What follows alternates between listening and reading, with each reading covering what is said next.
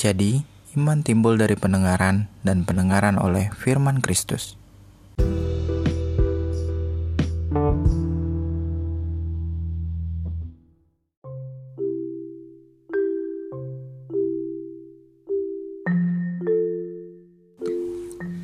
Mazmur 34 ayat 9 berkata, Kecaplah dan lihatlah, betapa baiknya Tuhan itu. Berbahagialah orang yang berlindung padanya. Tahukah Anda latar belakang Raja Daud menyanyikan Mazmur ini?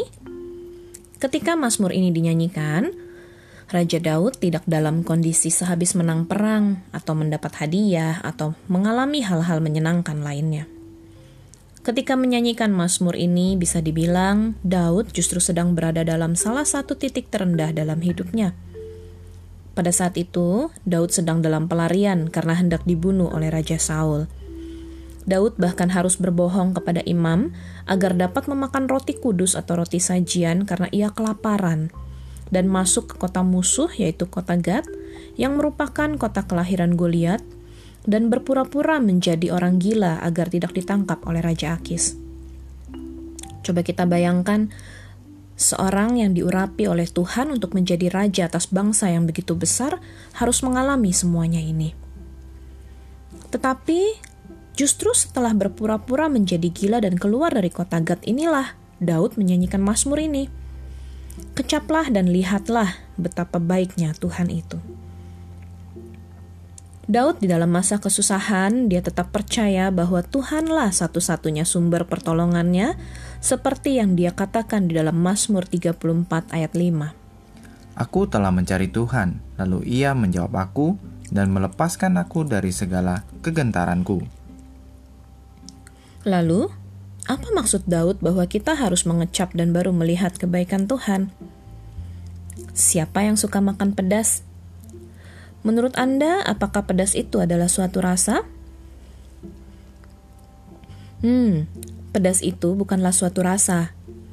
Awalnya saya pun berpikir pedas itu adalah rasa, sama seperti teman-temannya.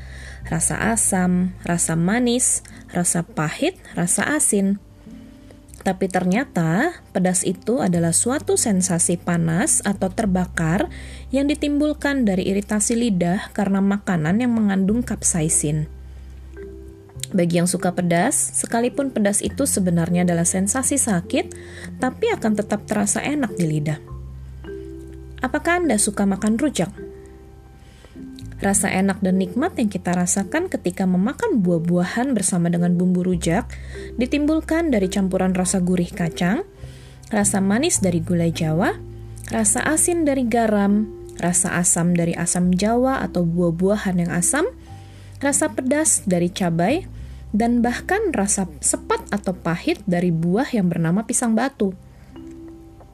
Campuran dari berbagai rasa itulah yang membuat rujak menjadi begitu enak dan nikmat. Tapi coba bayangkan, rasa manis itu kan enak ya?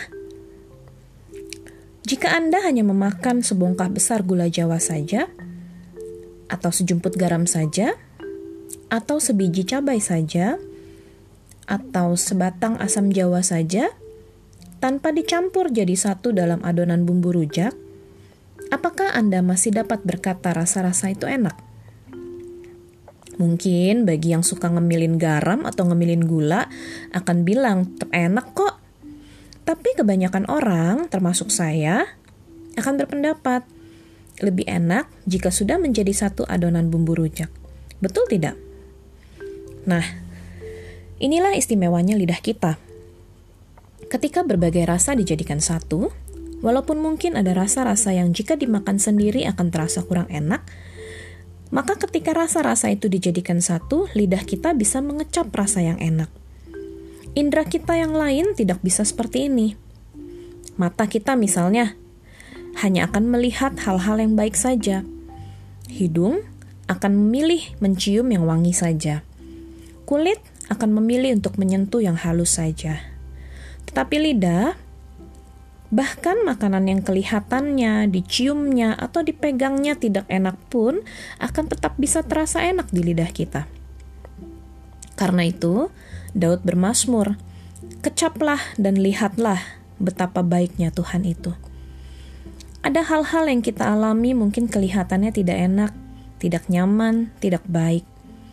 Tapi ternyata setelah pengalaman-pengalaman itu lewat, baru kita melihat bahwa segala yang terjadi ternyata baik untuk kita. Bahwa ternyata Tuhan itu selalu baik. Jadi, apakah sekarang ini Anda sedang mengalami yang tidak enak? Melihat yang tidak enak?